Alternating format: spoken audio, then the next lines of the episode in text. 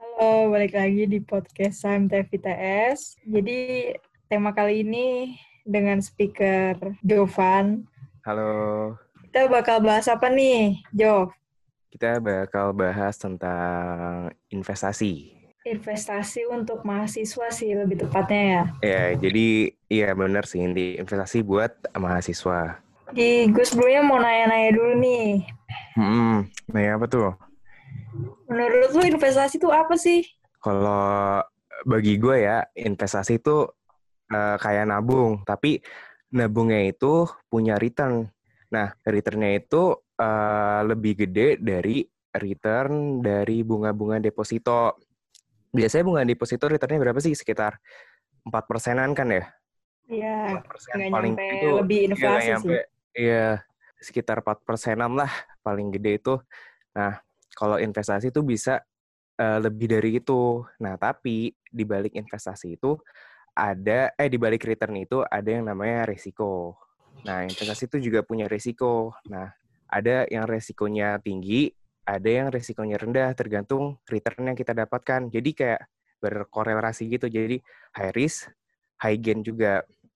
Nah, Oh iya iya. Nah, tujuan gua buat investasi di investa eh investasi itu itu sebenarnya gua mau mencapai yang namanya fina- financial freedom kan.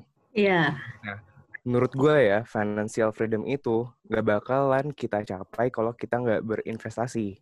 Betul. Nah betul kan kalau kita nggak Hmm. berinvestasi eh, kita bakal kerja selamanya gitu kan. Nah eh, coba aja kita lihat realita realita sekarang kan. Ga- rat- Rata gaji S1 tuh berapa sih di luar sana? Mungkin sekitar 7 sampai Iya. Rata-rata under 10 sih. rata-rata hampir 10 ya di Jakarta ya. Iya, under 10. Nah, terus rumah di Jakarta rata-rata berapa? Rumah di MM-an sih. Jakarta aja sampai ya minimal se-M lah ya. Rumahnya Iya. nyaman kayak gitu. Hmm. buat buat coba bayangin dengan gaji misalkan 10 juta eh, rumahnya sa- 1 M supaya 1 M eh supaya kita dapetin 1 M dari gaji doang itu butuh waktu berapa tahun coba? Coba kita hitung ya. Oh, dari gaji doang kan? Eh, kalkulator bel. Berarti kan 1 M. Ya pokoknya lama lah ya kalau dari cuma nabung doang. ya pokoknya lama banget ya kalau belum dari nabung doang. Itu dari gaji belum dipotong sama kebutuhan kita kan ya Iya, dan tabungan itu belum dipotong biaya administrasi. Nah, belum dipotong biaya administrasi dan kalau lain-lain. iya dan bunga yang didapat itu nggak lebih dari inflasi. Jadi tetap aja Nah, udah itu- udah nabung-nabung itu yang dikurang inflasi. juga. Nah, inflasi Iya. tuh eh misalkan lo nabung nih eh 10 juta tahun 2020 ini. Nah, 2021 itu duit lo di rekening tetap 10 juta kan? Iya. Tapi sebenarnya nilai lo itu nilai duit lo itu tuh udah di, udah dikurangin sama inflasi. Misalkan inflasinya seper tahun sekitar eh, 3 sampai 5 persen. Kita ambil tengah-tengah aja misalkan eh, empat setengah persen lah.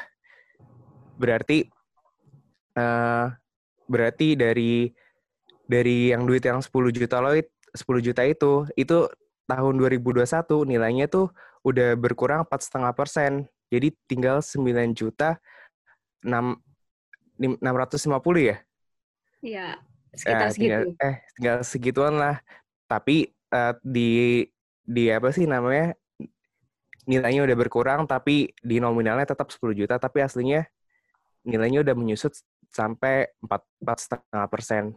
Jadi Iya. ada yang namanya inflasi. Nah, tujuan investasi juga eh, untuk me, me- apa sih namanya? melebihi in- inflasi tersebut. Jadi nilai uang uang Jadi kita uang tuh kita nggak berkurang. Iya minimal nilai uang kita nggak berkurang. Ya, investasi. itu Ah. buat eh, biar uang kita nggak habis kemakan inflasi sama biar menuju kita habis financial kema- freedom. Ya, Ya. benar banget. Nah, terus ini jadi kayaknya eh, yang dengerin juga harus tahu sedikit kalau misalnya investasi antara gue sama Jovan ini kita main di saham.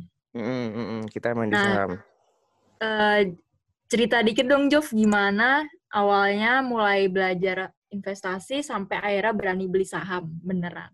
Gue awalnya itu uh, dari SMP itu emak gue tuh uh, main saham juga. Nah dari situ kan gue ngeliatin, wih apa nih kayak uh, kan saham tuh ada kode-kodenya tuh, misalkan TLKM gitu-gitu kan, TKIM. Nah gue tuh penasaran akhirnya cari-cari kan. Di situ gue penasaran cari-cari, terus akhirnya gue nanya ke emang gue, terus dari pas SMA itu gue uh, ke kebetulan di tempat sekuritas iPod itu itu ada kayak seminar gitu loh, seminar gratis. Nah, pas SMA gue sempet ke sana sih. Tapi uh, gue belum berani buat beli sampai waktu kuliah ini. Nah, sebenarnya pas kuliah ini gue baru beli itu sekitar Januari 2020. Sebelumnya gue main uh, forex lagi, beda lagi sama saham. Tapi yeah. di iya. forex itu gue uh, ya bisa dibilang rugi lumayan gede. Jadi abis itu gue belajar-belajar lagi uh, terus gue hij uh, ibaratnya gue hijrah gue cari jalan yang bener gitu kan ya terus gue lihat nih uh, Lokeng Hong terus Warren Buffett gitu kan Iya. Gue dengar-dengar ceritanya kayak gitu uh, tokoh-tokoh investasi dunia gitu kan. Gue dengar dengar ceritanya terus gue pelajarin lagi uh, tentang ilmunya tentang saham terutama ilmu fundamentalnya ya. Jadi gue belajar baca laporan keuangan segala macam cara uh, teknik valuasi saham dan lain-lain. Akhirnya uh, di momen momen crash seperti ini uh, yang gara-gara market turun sampai 30% lebih gara-gara Covid, dan gue ber baru berani kan diri buat masuk ke saham karena uh, marketnya juga sudah murah. Jadi gue kemarin waktu itu pertama kali beli saham kalau nggak salah PTBA deh waktu itu. Nah, gitu sih. Oh, Jadi ba iya. baru baru masuk juga sih gue. Tapi gue udah tahu dari lama tapi baru baru masuk. Baru main lagi ya? Iya baru main lagi ya. sekarang. Kalau gue itu uh, sebenarnya dari Juli tahun lalu. Hmm. Sebenarnya belajarnya itu udah dari April tahun lalu itu gue jadi ikut yang namanya sekolah pasar saham dari oh, dari BI ya. Ya dan itu gratis, Ada. itu gratis. Mm -mm. Dapat makan siang juga. Uh, terus abis ikut itu gue belum berani masuk uh, tapi karena di acara sekolah saham itu uh, akhirnya or, apa sih kayak uh. pembicaranya itu uh, nyuruh simulasi beli saham beneran akhirnya gue ikut-ikutan aja tuh waktu itu gue masukin modal awal oh, gue tiga ratus ribu oh tiga ratus ribu tapi ya. pas SPM itu disuruh bayar seratus ribu gak sih Iya, cuma itu langsung Oke. masuk langsung ke jadi, rekening. Langsung jadi rekening RDN ya? Iya, langsung masuk ke modal saham. Terus gue akhirnya beli tiga ratus ribu. Gue waktu itu beli Indosat, gue inget banget. Jadi waktu itu harga Indosat juga lagi ngepas tiga ratus ribu. Jadi gue beli satu lot aja. Lo beli satu lot ya? Iya, gue beli satu lot. Terus habis itu, dan gue nggak tahu gitu loh kayak harus apa gitu kan. Terus gue tuh sempat untung eh, tiga puluh ribu lah dari ya sepuluh persenan kan itu lumayan gede. Oh, iya iya lumayan. Terus habis lumayan itu.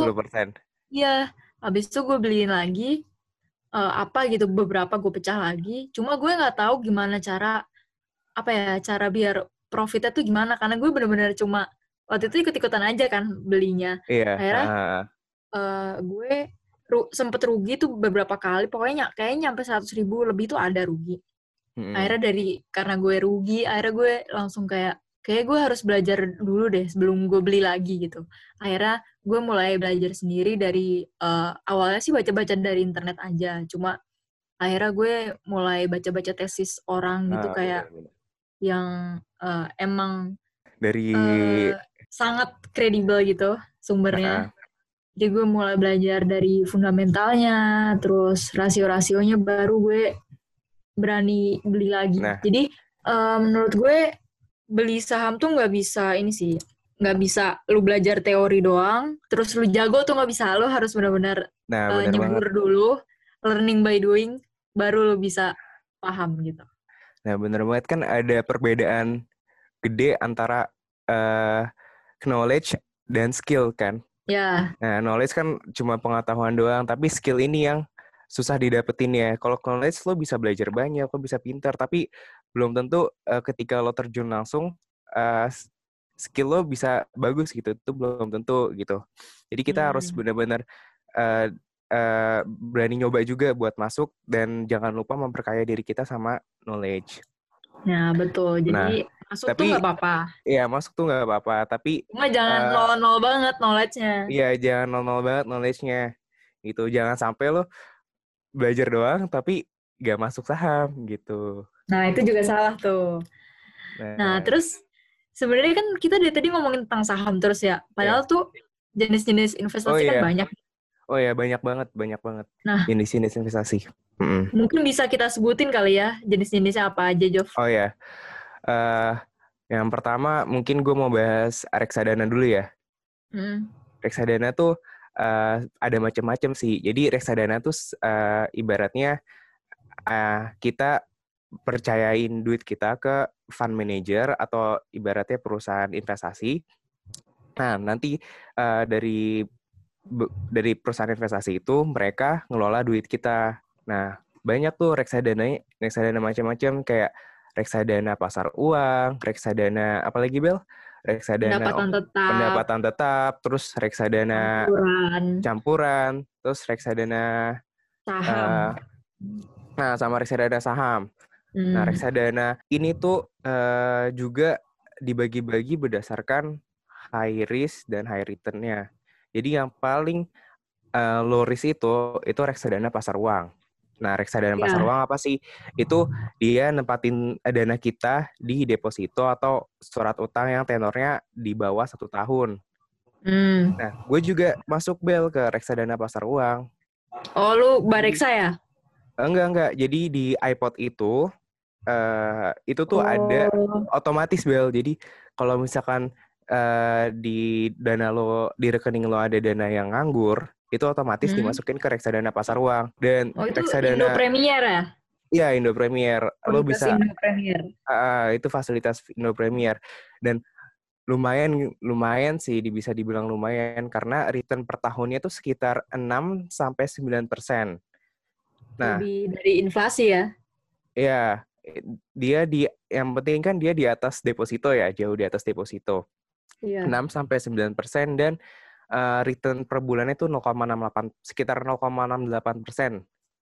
Nah, lo juga bisa ambil langsung reksadananya. Jadi misalkan lo butuh duit tuh, lo tinggal jual, terus H plus satu uh, H plus satu tuh dananya udah bisa lo ambil lagi gitu. Nah, yang hmm. kedua reksadana, eh abis itu itu yang paling aman ya. Iya. Nah, uh, terus yang paling uh, gak aman, maksudnya yang paling high risk tapi high return juga itu reksadana saham, Bel. Iya, soalnya nah, dia bagus buat yang mau pelan-pelan switch ke saham. Nah, iya, reksadana saham itu ya seperti namanya, jadi dana kita di uh, masukin ke saham sama manajer investasi ini. Nah, itu emang uh, high risk karena saham itu kan berfluktuatif ya. Iya. Nah, fluktuatifnya tinggi maksud gue. Jadi uh, emang sih returnnya bisa 20 persenan, 20 persenan per tahun. Tapi uh, dia juga uh, kalau lagi sahamnya lagi down kayak kayak gini juga bisa minus juga gitu. Iya, nah, habis itu habis reksadana saham, habis reksadana saham tuh ke reksadana campuran. Reksadana campuran tuh gabungan antara reksadana pendapatan tetap sama reksadana saham. Jadi dicampur yeah. gitu. Nah, yang satu Benar. lagi reksadana pendapatan, pendapatan tetap, tetap tuh itu tuh reksadana uh, yang bermain di obligasi. Biasanya obligasi koperasi atau pemerintah. Nah, biasanya uh, ada juga dimasukin saham tapi maksimal tuh 20 persenan gitu. Iya, jadi reksadana tuh kayak lo patungan sama nasabah-nasabah lain, terus mm-hmm. duitnya dikelola sama manajemen investasi gitu kan. Dan mm-hmm. itu lo nggak bisa secara langsung manage dananya kayak mau dibeliin apa gitu. Lo cuma bisa uh, mengkategorikan jenis reksadana apa dan berapa dana yang mau lo himpun gitu kan. Mm, benar dan sekali.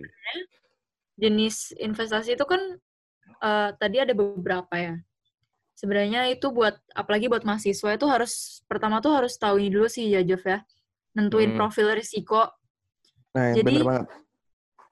Uh, profil risiko itu ada dua ada yang agresif, ada yang konservatif. Jadi yang kayak yang lu tadi bilang, kalau mau high, high risk, high return, itu berarti profil risikonya agresif. Dia uh, pengennya challenging, terus return potensinya tinggi gitu kan. Terus yang tadi lo bilang, yang paling aman lah ya, itu namanya konservatif. Jadi dia main aman, tapi returnnya ya tipis-tipis lah sama inflasi gitu, tapi masih agak lebih tinggi dikit gitu kan. Iya, benar. Terus sebenarnya ini yang paling penting buat nentuin jenis apa sahamnya itu ya Jov ya. Ya, penting jenis, banget gak sih buat ya, ini tahu banget. emotional intelligence kita? Kayak kita ah. gampang nggak ngambil keputusan yang nggak rasional? Terus nah, benar. kita nggak nggak handle kalau portofolio merah atau rugi gitu kan? Terus ya kemarin gue juga sempet merah sampai berapa tuh? 150 jutaan kali. Tapi ya, jadi uh, kalau lu nggak siap gitu lihat eh, yang merah uh, sampai segitu apa sih namanya dan cut loss saat itu juga ya dananya kepotong sama Ya, tapi yeah. kalau hilang, tapi kalau misalkan uh, lu siap gitu buat ngeliat portofolio merah, itu nanti berangsur-angsur bakal baik lagi seiring uh, IHSG yang naik lagi gitu. Mm-hmm.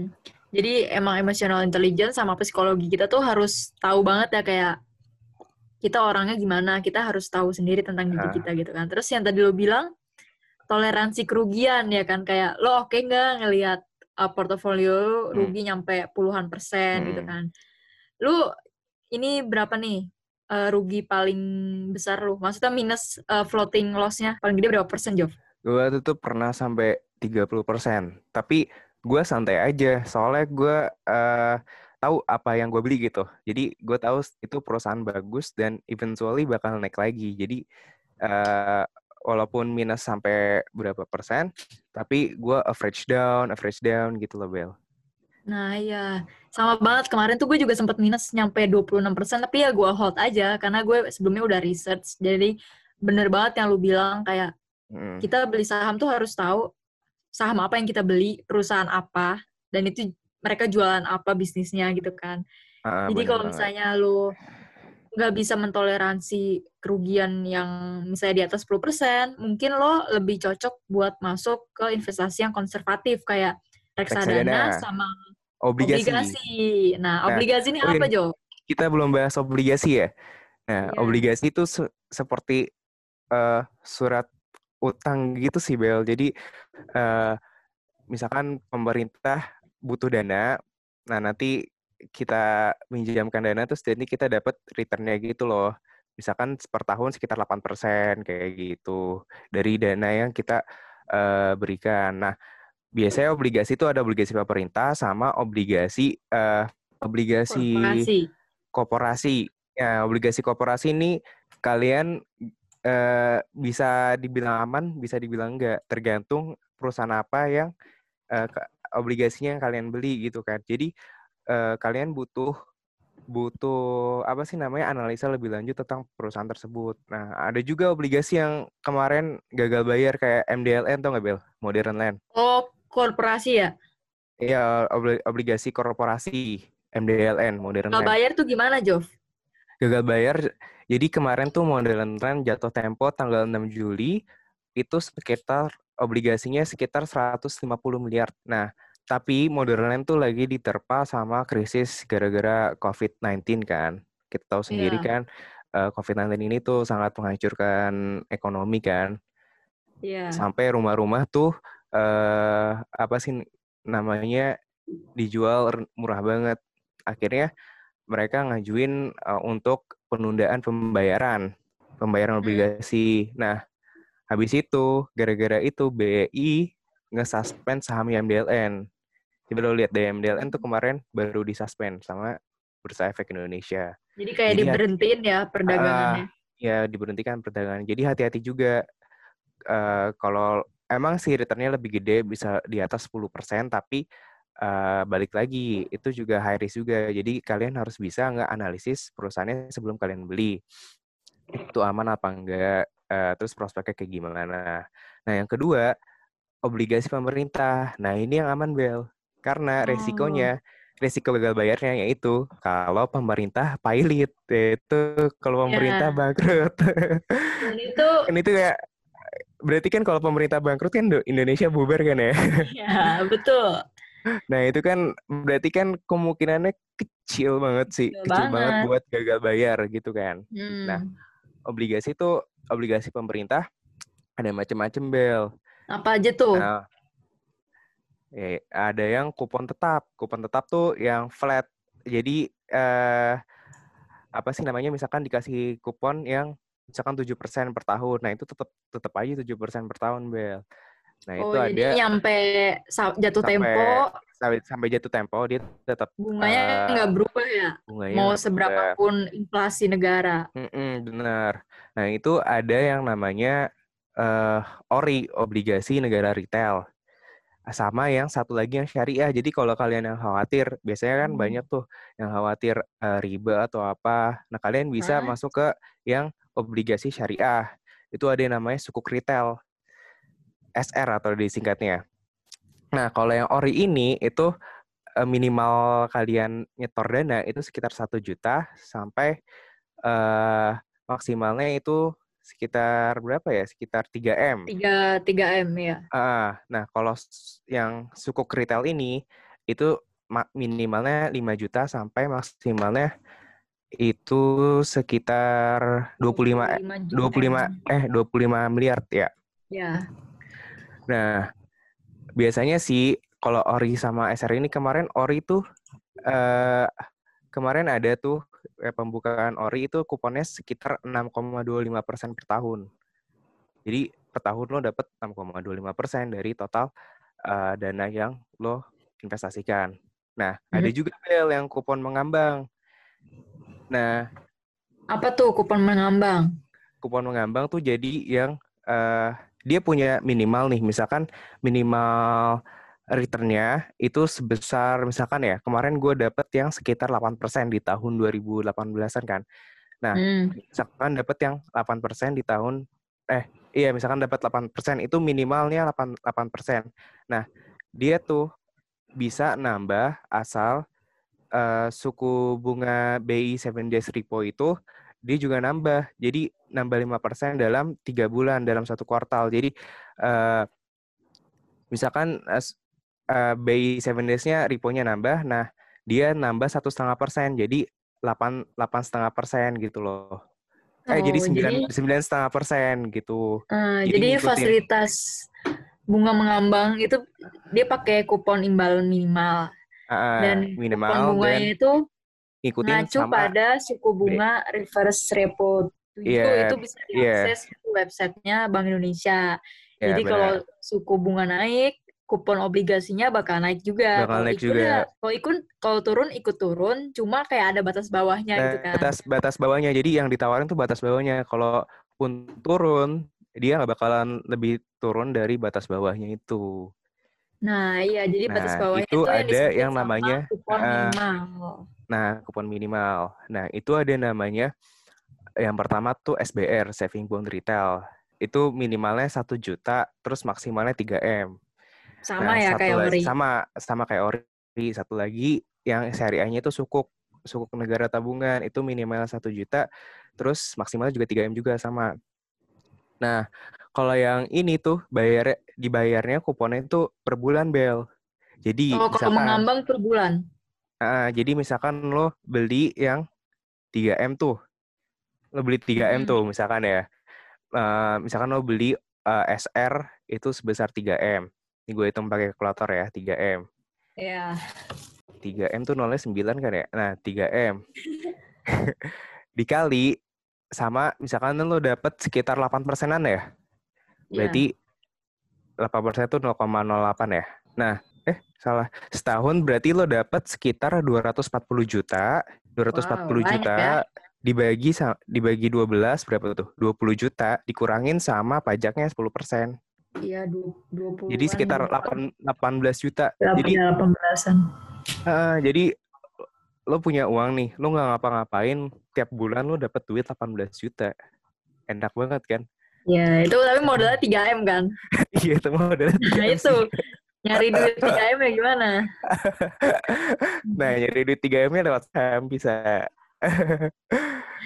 nah, Nah, mungkin ini kali ya, apa namanya? eh kalau mahasiswa, menurut lu apa Jov yang paling pas? Kan biasanya mahasiswa sumber Ah, penghasilannya cuma oh dari iya. duit orang tua gitu kan, atau mungkin bisnis kecil-kecilan. Menur- Menurut lu nih apa nih yang paling cocok antara reksadana, eh, obligasi, atau saham?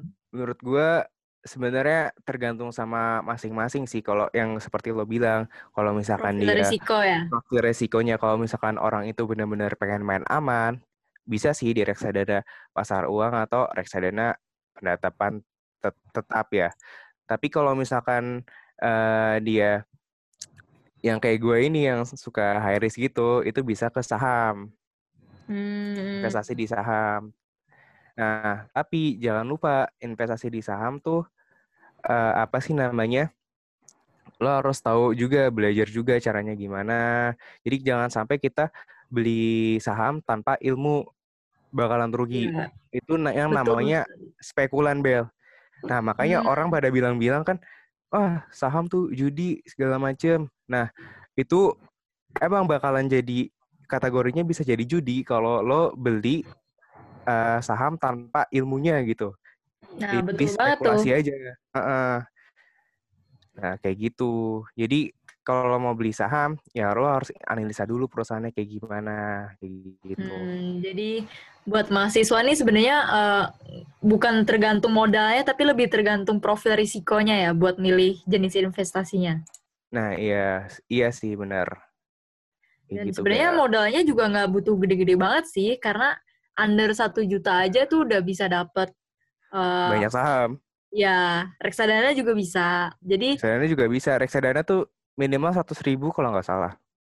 iya sama saham juga rata-rata buka sekuritas 100 ribu. Jadi Heeh. modal tuh bukan halangan buat Modal bukan investasi. halangan buat buat kita masuk ke investasi. Kan banyak orang bilang, wah saham tuh buat orang kaya doang bro. Oh enggak cuy, saham tuh lo duit berapa ya? Duit 5 ribu aja lo bisa beli satu lot Iya, bumi saham. di bawah 100 ribu aja lu bisa 100 ribu beli. bisa beli beli beli banyak saham kan. Hmm. Yang eh, apa sih namanya? Yang kerennya dari saham tuh Bel. Ya. Dia tuh bisa apa sih namanya? eh kalau lo belinya perusahaan yang murah, eh perusahaan yang bagus tapi murah itu bisa dapat return sampai ribuan persen bel kayak ceritanya Lo Keng Hong. Oh iya sih. Tapi sebelumnya Iya, ini Jov, tadi kan kita ngomongin saham terus nih. Mungkin Oh iya, ada yang juga belum tahu kalau saham tuh apa gitu kan. Jadi oh saham tuh iya sebenarnya bener. ini kali ya kita jelasin dulu kali ya Iya, kayak lu saham aja tuh deh bel yang jelasin. Oke, jadi Heeh. eh, buat yang belum tahu, saham tuh simpelnya kayak lo ikutan patungan buat modalin berjalan operasi suatu perusahaan gitu kan. Jadi lo Hmm. bisa modalin perusahaan tersebut dalam bentuk minimal satu lot. Jadi satu lot itu 100 lembar itu minimal minimal kalau mau beli saham tuh jumlahnya segitu gitu. Nah, Hmm. harga tiap lembar tersebut itu disebutnya harga saham. Jadi kalau lo lihat nih ya, harga saham 2000 ya dana yang lo butuhin buat beli saham itu 200 ribu karena kan minimal 100, rem- 100 lembar jadi harga dikali 100 aja gitu kan. Iya Terus, banget. Kalau misalnya lu mau jual saham itu artinya lu kayak ngambil balik modal yang udah lo tanam itu gitu kan. Dan itu Mm-mm. eh, kayak kapan aja lo mau bisa. Cuma kalau ternyata harga jual lebih rendah daripada harga beli, itu yang disebut rugi gitu kan. Jadi kayak Iya. lo nggak bisa nawar karena semua harga ngikutin pasar saham.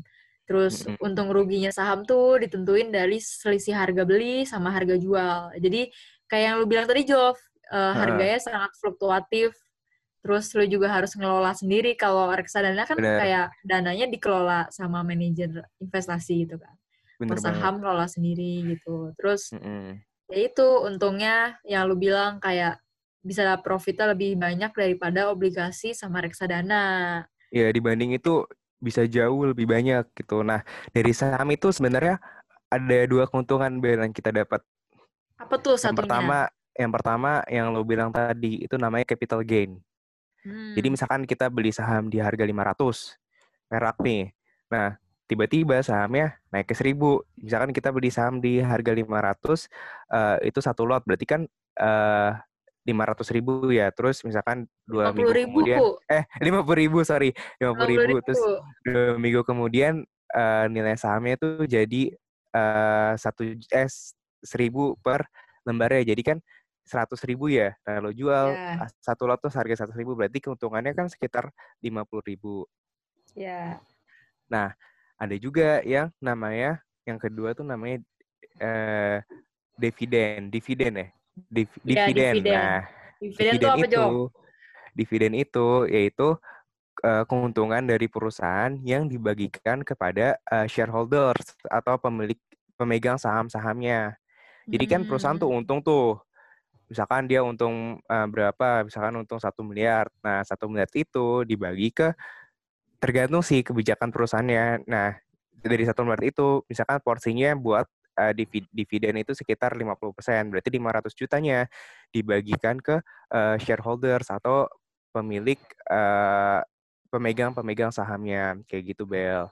Jadi selain dari dapat uh, dari capital gain kita bisa dapat dari dividen. Biasanya dividen juga itu biasanya tuh dividen tuh per tahun. Jadi sekali per tahun. Ada juga yang dua kali gitu loh Bel. Tergantung perusahaannya ya. Tergantung Jadi, perusahaannya. Tapi, uh, eh, tapi nggak semua perusahaan juga bagi dividen, Bel. Ada juga yang nggak ah, bagi. Iya, benar tuh. Uh. Dividen tuh jadi kayak bonus gitu ya buat iya, kita, iya, kayak bonus buat investor. Buat pemegang, iya buat investor lah ibaratnya gitu. Ya. Jadi ini kemarin tuh ada contoh dividen yang ngasih besar itu contohnya Unilever. Dia ngasih 775 per lembar. Jadi hmm. setiap satu lot saham yang lo punya lo dapat bonus sebesar tujuh puluh tujuh lima ratus ribu. Lumayan banget gak sih? Kita nggak ngapa-ngapain dapat duit. Oh iya lumayan banget. Ada juga PTBA cuy. Berapa tuh? PTBA itu kan harga harga sahamnya itu sekitar dua ribu ya dua ribuan lah. Nah dia dividennya tiga ratus dua puluh enam perak itu sekitar di atas empat belas lima belas persenan jadi dividen yieldnya bro jadi, banyak. TBA banyak lah pokoknya. Jadi lo uh, misalkan beli PTBA satu juta, dapat dividennya sekitar eh, seratus lima puluh ribu gitu loh. Hmm. Mm. Terus yang tadi lu bilang itu Jov yang saham tuh bukan judi sebenarnya. Mungkin bisa uh. ini kali ya kita bedain yang namanya trading sama investing. Mungkin oh, orang-orang oh, iya. pada bilang trading saham, trading saham, padahal trading sama invest investasi itu beda gitu kan. Beda banget, beda banget. Nah, apa tuh nah, bedanya? Oh, sebelum kita bahas itu, uh, kita bahas dulu nih uh, cara apa sih namanya gaya-gaya uh, orang-orang pada main saham gitu kan. Nah, nah, itu ada ada tiga sebenarnya. Yang pertama dia main saham, namanya main saham. Main saham itu dia nggak pakai analisa apa apa bel. Jadi oh. dia cuma ngikutin orang. Oh, misalkan ada rekomendasi dari ini, terus dia ngikutin dia beli terus kayak mengharapkan naik nah itu yang tadi gue bilang itu yang namanya judi spekulan hmm. dia nggak ngerti apa-apa dia main beli aja sahamnya tanpa analisa apa pun nah cuma ngira-ngira ya nah yang kedua itu technical analysis nah technical analysis itu analisa berdasarkan grafik saham jadi kan saham kan ada grafik-grafiknya tuh yang biasanya kalau uh, kalian pernah nonton CNBC pokoknya berita-berita tentang apa sih namanya berita-berita ekonomi gitu. Kan. Market kan. dunia. Iya, berita-berita market itu biasanya kan ada grafik-grafik itu kan. Iya. Nah, itu tuh uh, dia tuh menganalisa uh, grafik-grafik kayak gitu Bel, itu namanya technical analysis. Nah, yang kedua, fundamental analysis yaitu menganalisa uh, nilai perusahaan dengan laporan keuangannya. Jadi kita menganalisa perusahaan uh, dengan uh, laporan keuangannya Bel gitu. Jadi kita bisa tahu dari laporan keuangan tersebut perusahaan tersebut bagus apa enggak gitu loh. Nah, ada juga tipe-tipe yang fundamental Bel. Jadi fundamental itu uh, apa sih namanya dia menganalisa berdasarkan laporan keuangannya. Jadi dari laporan keuangannya dia bisa tahu tuh perusahaan tuh uh, bagus apa enggak itu dari laporan keuangannya Bel. Nah, hmm kalau gue ya, gue saranin uh, pelajarin analisa fundamental. Karena fundamental itu sangat penting banget. Warren Buffett bilang kayak gini, kita harus tahu apa yang kita investasikan. Jadi jangan sampai kita uh, mau investasi tapi kita nggak tahu tuh perusahaannya di bisnis apa, perusahaan yang bagus apa enggak, kayak gitu Bel. Hmm, gitu ya.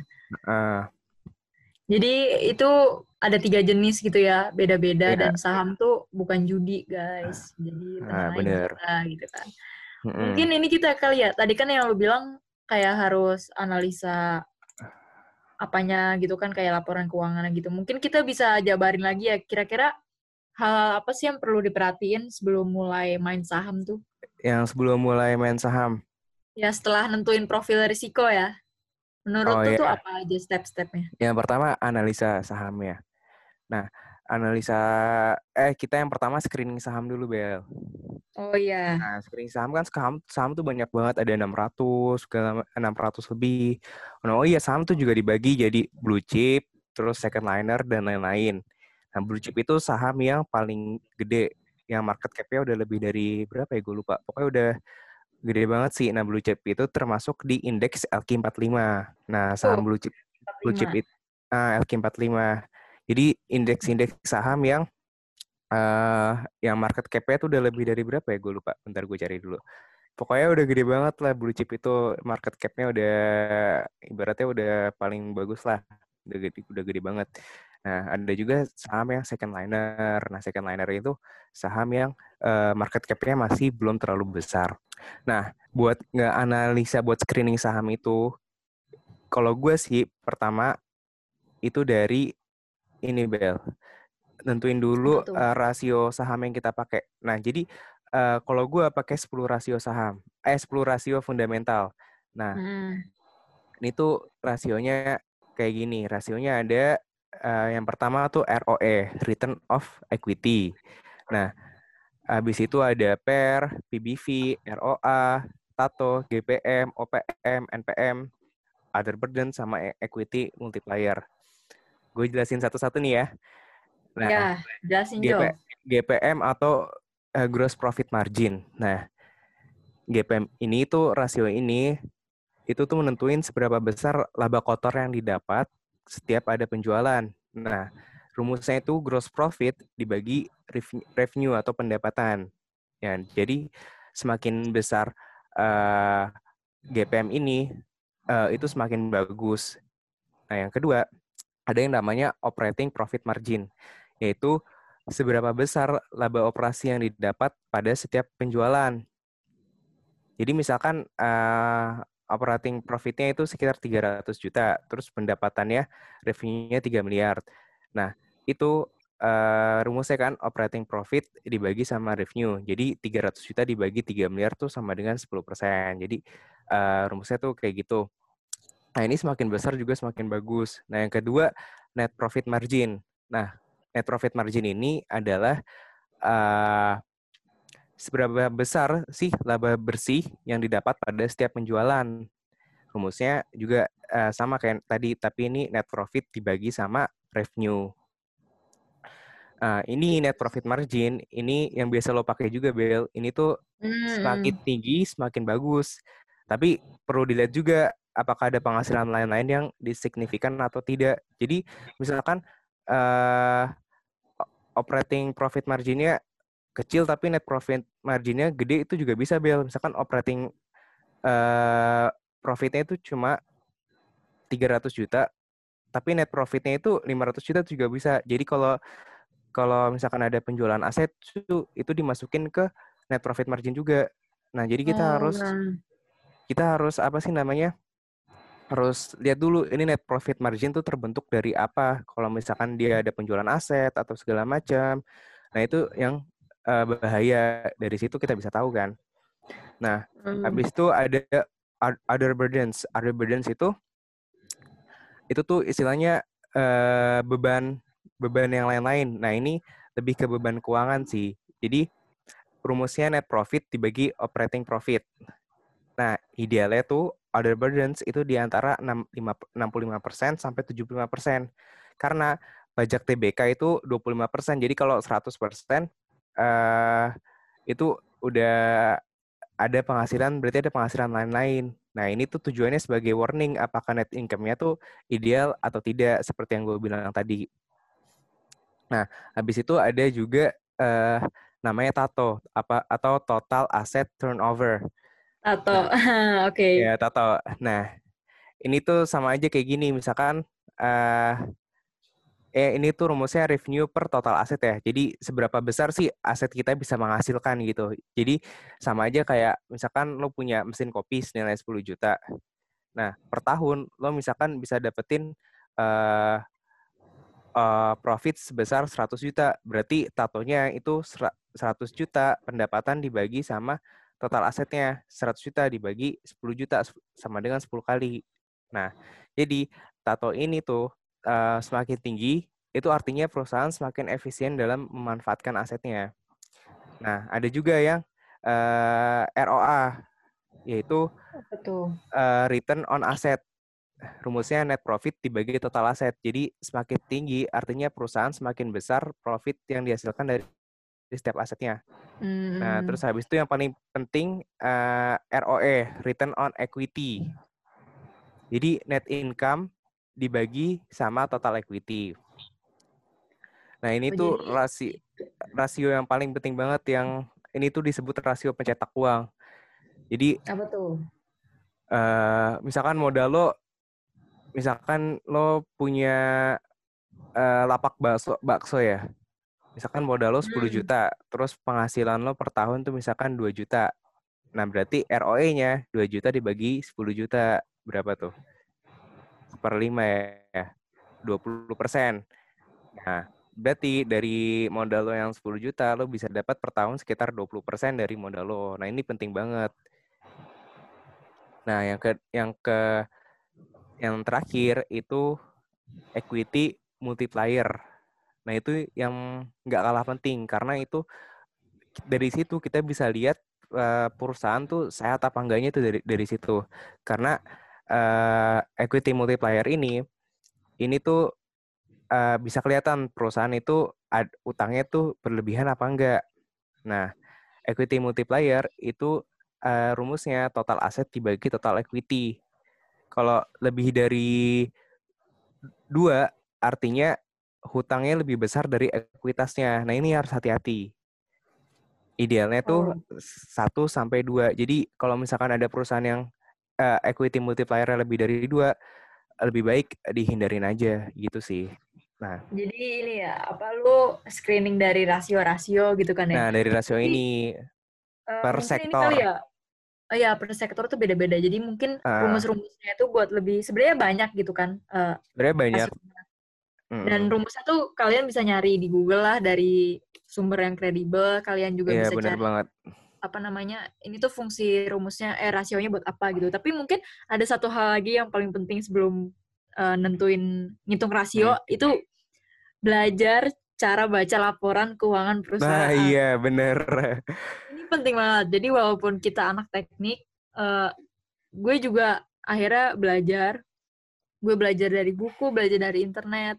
Uh, terus gue ada apa namanya uh, buku yang rekomend buat belajar itu judulnya Financial Management Canvas. Penulisnya uh. itu Ko Shin Hien tuh bagus banget, Jov. Oh, Jadi yeah. Uh, ya anak teknik ya nggak apa sih belajar laporan keuangan perusahaan dan itu tuh penting banget buat tahu seberapa berkualitas uh, perusahaan itu gitu kan. Jadi dalam laporan keuangan itu biasanya buat ngitung rasio ya ada tiga komponen yang penting yang harus lo perdalam. Pertama itu laporan neraca atau biasa disebutnya balance sheet. Terus hmm. kedua laporan laba rugi atau income statement dan income yang statement. ketiga ya dan yang ketiga itu laporan arus kas atau cash, cash flow. flow statement. Jadi penting banget buat tahu kan tadi uh, rasio-rasio yang lo bilang kayak ada rumusnya tuh apa bagi apa gitu karena yeah, apanya itu, dari, itu tuh ya dari laporan keuangan. Dari laporan Jadi lu keuangan. harus lu harus tahu ini tuh angka ini tuh apa ditulisnya di laporan keuangan gitu kan. Hmm. Nah, terus benar, mungkin benar. abis menurut gue abis uh, screening saham tuh menurut lo apa lagi Jov stepnya? Udah screening, kalau udah screening terus udah dapet uh, apa sih namanya uh, udah dapet perusahaan yang apa bagus yang uh, sama apa yang dimau. Nah itu abis itu kita tentuin tuh valuasinya murah apa enggak. Nah, murah atau enggaknya tuh gimana sih, Jov? Apa emang saham yang harganya 2000 lebih murah dari yang 15.000 apa gimana tuh? Gak gitu. Jadi uh, kalau misal dari murah dari apa enggaknya itu sebenarnya kita bisa tentuin nilai intrinsic value nilai sebenarnya. Nah itu banyak banget cara nentuinnya. Bisa pakai teknik DCF, terus bisa pakai teknik yang dividen apalah namanya gitu. Tapi kalau gue sih cuma pakai dua nih, PBV sama PER. PBV apa sih? Itu price to book value. Jadi uh, nilai uh, sorry nilai bukunya. Nah, jadi bandingkan dengan harga dibagi sama uh, ekuitas ekuitasnya. Jadi uh, oh kita cari book value-nya dulu ya. Book value itu uh, rumusnya ekuitas dibagi jumlah saham yang beredar. Nah, kalau udah dapat book value, kita bisa dapat price to book value, yaitu uh, harga saham saat ini dibagi sama nilai book value-nya. Nah, itu contohnya hmm. gini, misalkan PBV-nya uh, 0,5 ya. Nah, itu sama aja kita beli aset senilai uh, 10 juta tapi kita bayarnya 5 juta. Kayak gitu, Bel. Oh, jadi uh, ini lebih kayak ke teknisnya gitu ya. Jadi buat nentuin apakah sebuah valuasi saham tuh murah atau enggak, itu lu harus hmm. selain harus belajar laporan keuangan, lu harus belajar analisis investasi dan ini gue sama Jovan belajar uh, dari internet sama dari buku juga jadi mm. ini kayak matkul baru gitu lu belajar matkul baru dan tapi bedanya lu bisa langsung uh, apa sih implementasikan ke kehidupan lu dan lu bisa dapat duit dari situ tentunya iya benar banget Bel jadi kita terus, uh, terus habis itu ada lagi yang price to earning ya Hmm. Jadi itu harga dibandingkan dengan net profitnya uh, saham tersebut. Kayak gitu, Bel. Terus ini juga nggak sih, Jov, kayak harus up to date sama berita atau sentimen ekonomi nah, dalam iya, negeri dan banget. global. Sering-sering uh -huh. baca berita. Terus jangan lupa make sure apakah saham tersebut saham saham gorengan atau enggak. Nah. Jadi saham nah, gorengan apa tuh saham gorengan? Jadi saham gorengan tuh saham yang uh, buat naikin atau turunin harganya itu mereka biasanya nyewa sekelompok uh, disebutnya namanya bandar buat sengaja beli atau jual saham dalam ju dalam jumlah besar. Jadi dia ntar naiknya tuh drastis atau bisa turun drastis gitu. Nah, cara taunya itu dari lihat grafiknya dalam jangka waktu maksimum dari dia IPO, apakah dia naik turunnya drastis atau enggak gitu. Nah, biasanya itu kan saham yang normal itu kan saham yang pergerakan landai kan, nggak yang tiba-tiba naik, nggak yang hmm. tiba-tiba turun gitu. Jadi itu harus dilihat juga sih dan tips dari gue ya hindari saham gorengan karena lu emang bisa uh, bisa untung untung cepat cuma lu bisa rugi juga cepat dan itu biasanya ruginya dia karena pergerakannya fluktuatif banget dia bisa 15 20 persen sekali gerak tuh jadi nah, sama i, sama ini Bel yang Apa paling tuh? khas saham gorengan itu saham yang naik naik turunnya harganya itu tidak dipengaruhi oleh fundamental. Jadi misalkan nah. uh, perusahaan tuh merugi, tapi sahamnya naik. Nah itu berarti saham gorengan yang naik, yang kerek tuh isi bandarnya itu. Padahal kan saham seharusnya mengikuti fundamentalnya ya. Misalkan perusahaan itu uh, profit profit dia bagus, uh, dia sahamnya juga naik kan, Bel. Harusnya kayak gitu. Ya, jadi Tapi kalau dia... saham gorengan, dia nggak peduli mau fundamentalnya kayak gimana, uh, dia harganya terus naik atau turun kayak gitu. Nah, betul banget tuh. Jadi tapi ini kali ada yang belum tahu IPO. IPO tuh apa, Jo? Oh iya, IPO tuh Initial Public Offering. Jadi tuh uh, misalkan lo punya perusahaan nih, terus lo butuh dana dari investor. Nah, lo masukin lo listing perusahaan lo ke eh, BEI.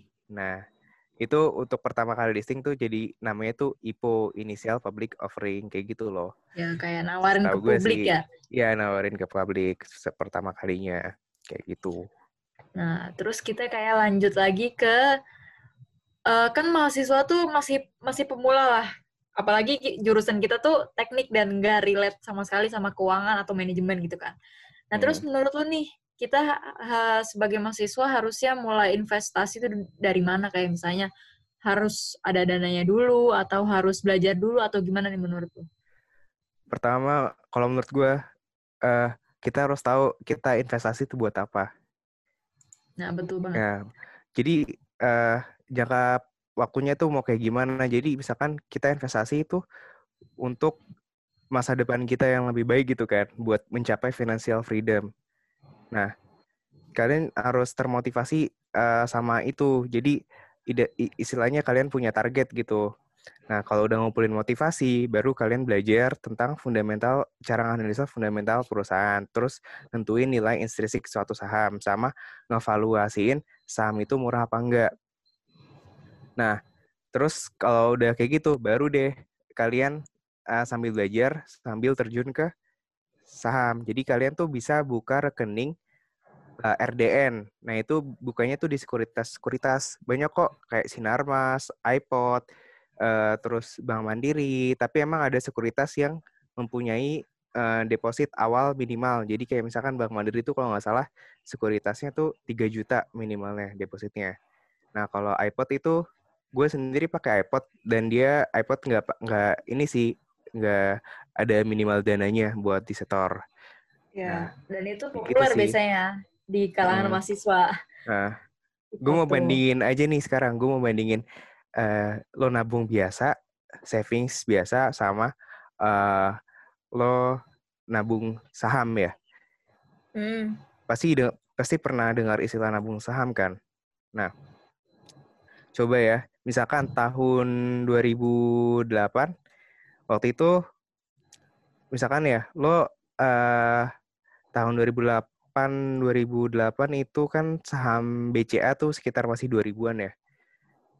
Nah, misalkan tahun 2008 itu lo beli saham uh, 10 juta di seharga 2000 sama lo punya rekening uh, bank terus lo nabung uh, 10 juta uh, pas tahun 2008 tersebut. Nah, terus 12 tahun kemudian saham yang tadi yang 2000 itu udah nyentuh harga 34.000. Hmm. Jadi di nilai saham lo dari 34.000 dibagi 2000 berarti kan kenaikannya sekitar berapa tuh? 17 kalinya ya? Iya. 17 kalinya. Jadi nilai nilai saham lo dari dari 10 juta jadi 170 juta 12 tahun kemudian. Nah, kalau lo nabung biasa di rekening lo 10 juta, ya tetap 10 juta juga gitu kan 12 tahun belum kemudian juga. Admin, belum lagi di dipotong admin, dipotong iya segala macam. Nah, itu kenapa menurut gua investasi itu penting banget. Dan lo lihat aja orang-orang terkaya di luar sana di dunia itu nggak ada yang uh, semuanya tuh rata-rata punya saham semua kan. Iya, betul. Warren Buffett, terus Jeff Bezos, segala macam. Bill Gates, mm. Bill Gates juga dia kayaknya uh, kan pasti pada mikir, eh pasti pada ngiranya Bill Gates kayaknya tuh dari Microsoft doang kan. Padahal dia uh, kayaknya juga ada porsinya dari saham. Dia dia investasi juga Bill Gates di uh, Berkshire Hathaway gitu. Iya sih. Jadi emang buat mahasiswa nih mulai investasi itu pertama tuh dari ini sih uh, belajar dulu belajar nggak apa-apa sambil nyebur cuma uh, make sure beneran belajar gitu jangan nyebur doang mm, nah, bener banget belajarnya tuh juga ya zaman sekarang banyak juga nggak sih kayak sumber-sumber mau dari buku dari online learning atau apa itu pasti kalian nemu lah dan kalau misalnya uh, mau nanya-nanya soal apa sih namanya rekomendasi buku apa itu boleh banget. Boleh nanti. kok. Mau nanya, ya mau tahu cara gimana ya, mau belajar saham nanti mau mulai, boleh kok hubungin gue atau nggak bela aja. ah, iya. Kayaknya hubunginnya Terus, dari email email aja nggak apa-apa nggak sih, Jo? Iya, nggak apa-apa dari email. Boleh dari mana aja. Ya, oh ya, Bel, gue juga mau share tentang saham. Betul. Yang gue bilang mutiara terpendam ini.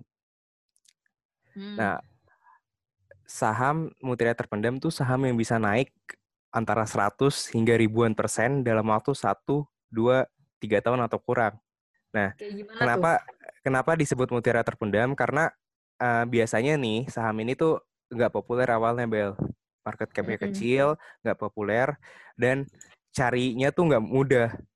Lo harus buka satu persatu eh ke laporan di eh di bursa efek gitu kan. Hmm. Nah, mutiara terpendam juga bukan saham gorengan, Bel.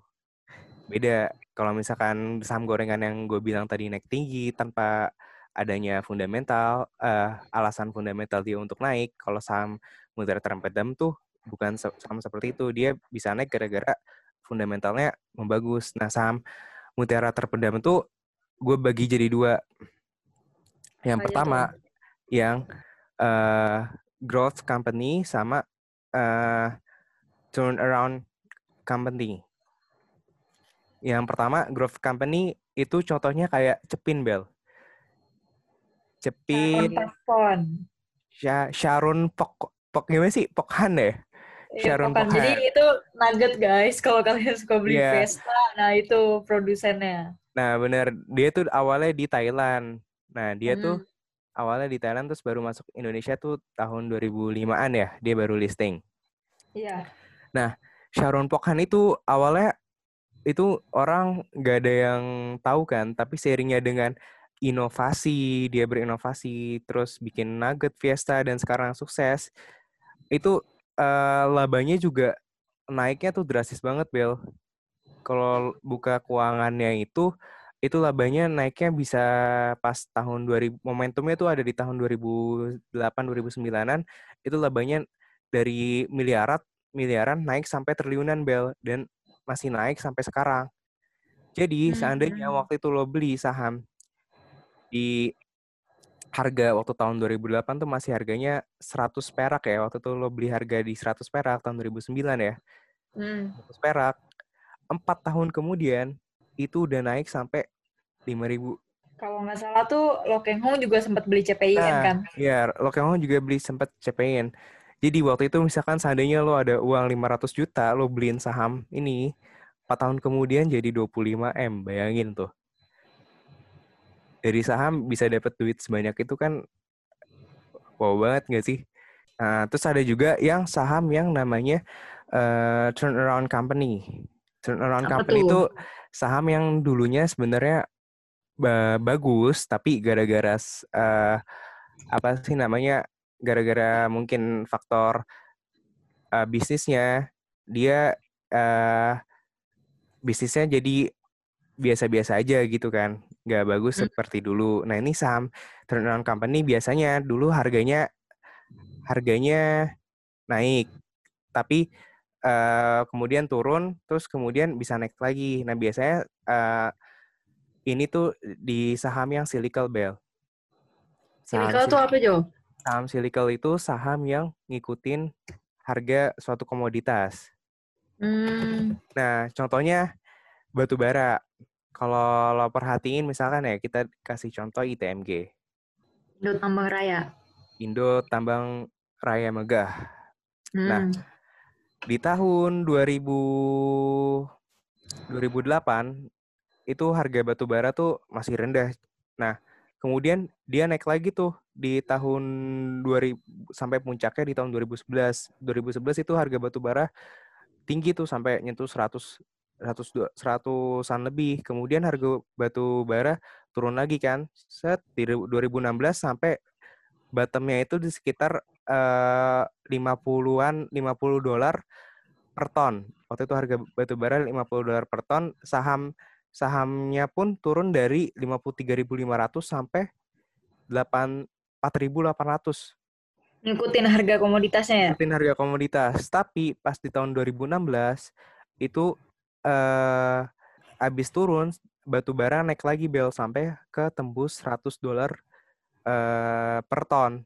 Dari saham dari harga yang 4000 4000-an itu naik ke sampai maksimal naik tuh kemarin di 28.900, 29 ribuan. Terus turun lagi seiring harga batu bara anjlok. Sampai sekarang juga masih turun karena harga batu bara juga masih tertekan kan. Nah, Hmm. dari sini eh ini tuh namanya saham cyclical. Jadi dia ngikutin eh apa sih namanya harga batu bara.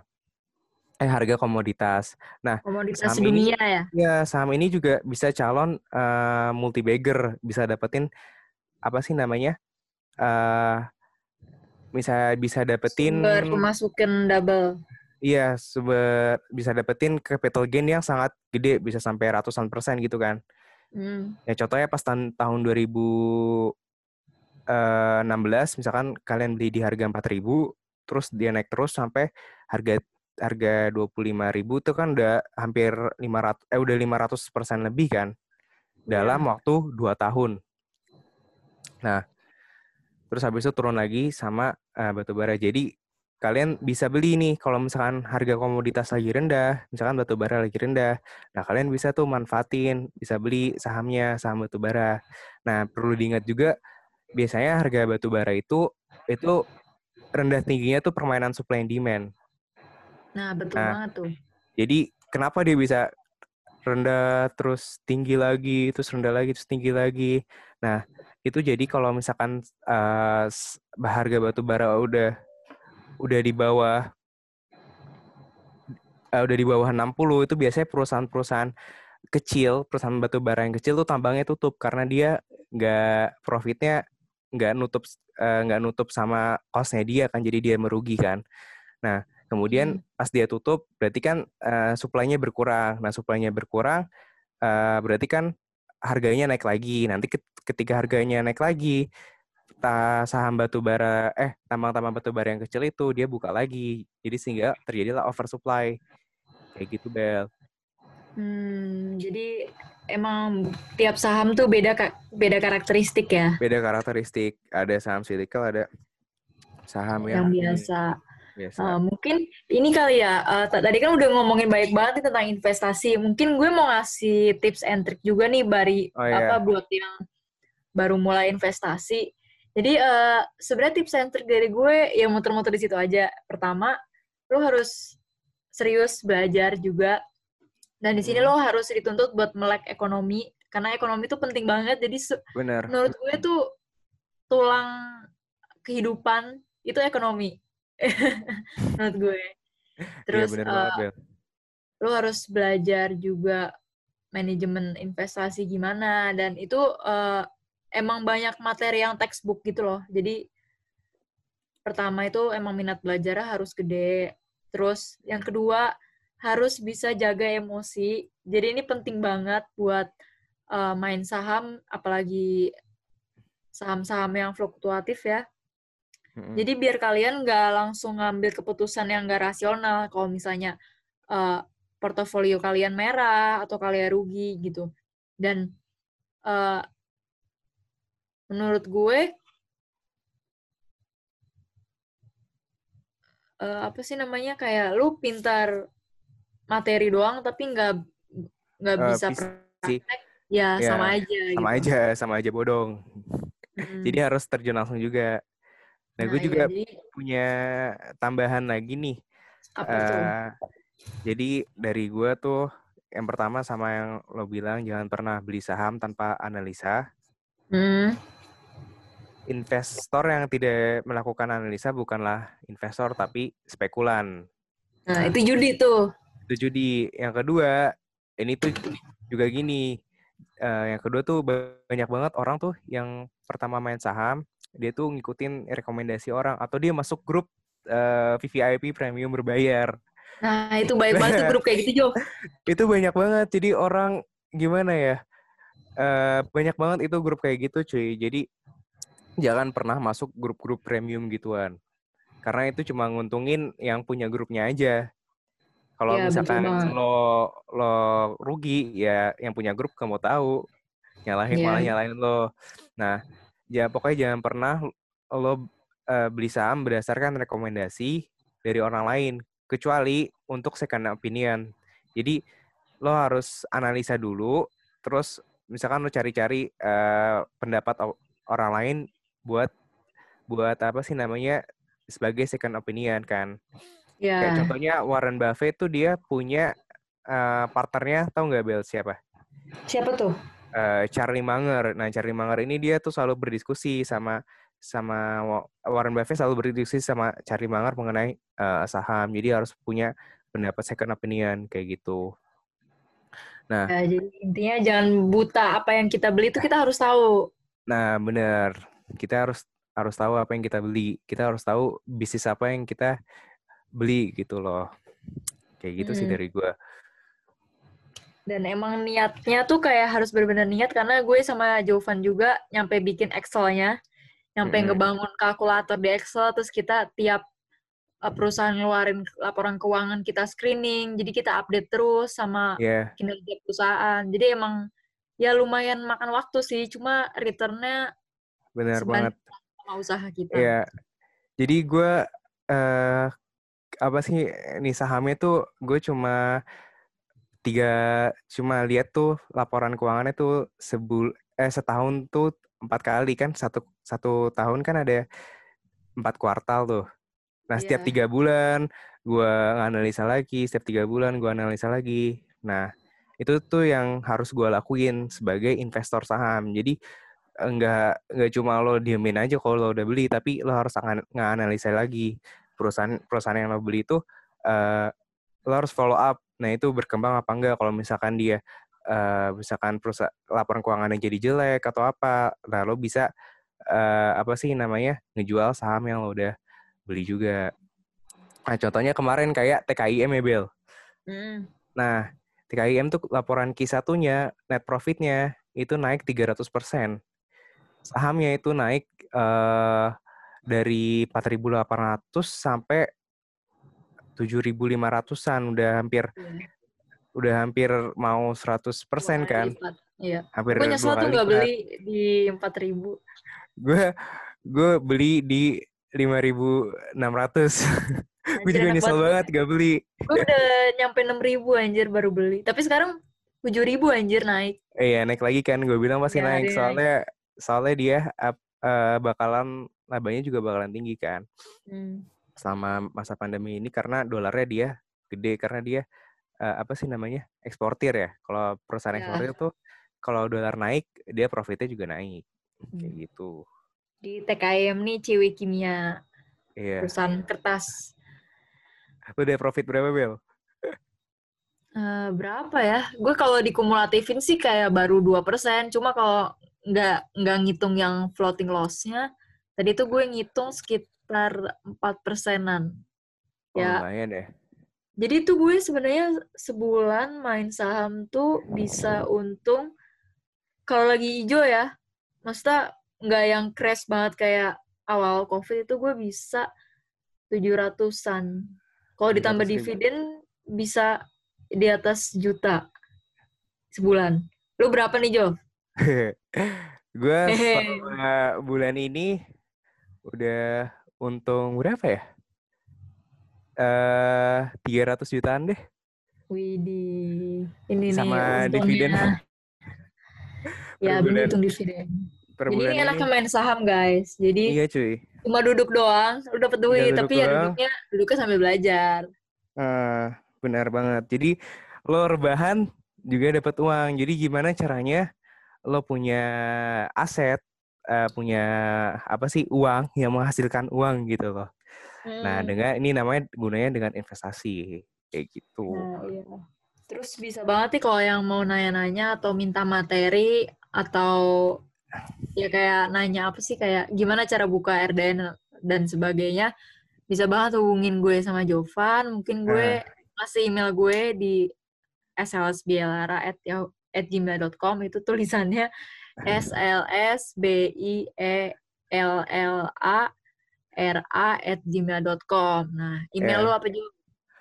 Jovan Ramadan 98 at gmail.com Eh biasanya J O V A N R A M A D H An eh, D H A N 98 at gmail.com kayak gitu. Eh, Nah, iya. kayak gitu email gue. Ya. Jadi kalau yang mau nanya-nanya boleh banget email kita. Ntar kalau misalnya mau lanjut di line atau WA nggak apa-apa, tapi email dulu aja gitu.